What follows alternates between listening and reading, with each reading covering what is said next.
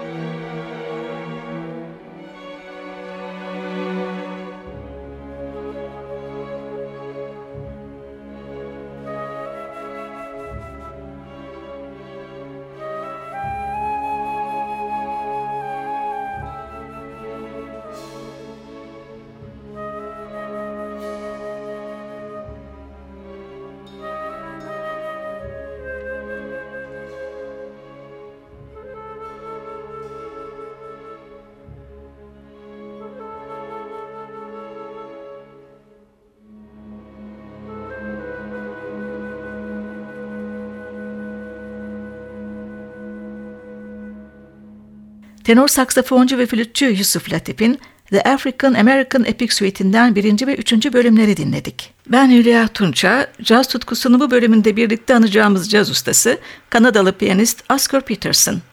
O da Yusuf Latif gibi 23 Aralık'ta yaşamını yitirmişti ama ondan 7 yıl önce ve 82 yaşındaydı. Peterson trompet ve piyanoya başladığında 7 yaşındaydı. Tüberküloz geçirdiği için babası tarafından yalnızca piyanoya yönlendirildi. Böylece caz tarihinin en swingli çalan virtüöz piyanisti yetişecekti. Quebec'te Halk Dansları Orkestrası'nda çalan ilk ve tek siyah müzisyendi. 1949'da bir davet üzerine New York'a gelen Peterson, caz organizatörü Norman Granz ile tanıştı. Ardından Granz'in yönlendirmesiyle Ella Fitzgerald'a turnelerinde eşlik etmeye başladı. Caz dünyasının bildik çoğu yorumcusuyla çalan kayıtlar yapan sanatçı, 1993 yılında felç geçirdi. Tedavi olduktan sonra yeniden müziğe döndü ve müthiş güzel trio plaklar kaydetti. 60 yıl aşkın müzik yaşamında 200'den çok albüm çıkardı. Birkaç kez triyosuyla dinleme ve kendisiyle söyleşi yapma şansını bulduğum bu dev yapılı ama o derecede zarif müzisyenin 2000 yılına ait farklı bir projesini dinleteceğim sizlere. Michel Legrand'ın Peterson için yazdığı Trail of Dreams adlı Canadian Suite'i bu proje. Suite, Newfoundland'dan Alberta'ya dek uzanan 16 bin kilometrelik bir tren yolculuğunu betimliyor. Piyanoda Peterson, gitarda Ulf Bakenius, basta Nils Pedersen, davulda Martin Drew'dan oluşan dörtlüye Michel Legrand yönetimindeki Yağcı Çalgılar Orkestrası eşlik ediyor. Trail of Dreams suite'inden dinleyeceğimiz bölümlerse Open Spaces, Morning in Newfoundland, The Okanagan Valley ve halk dans havasındaki Dance Throne.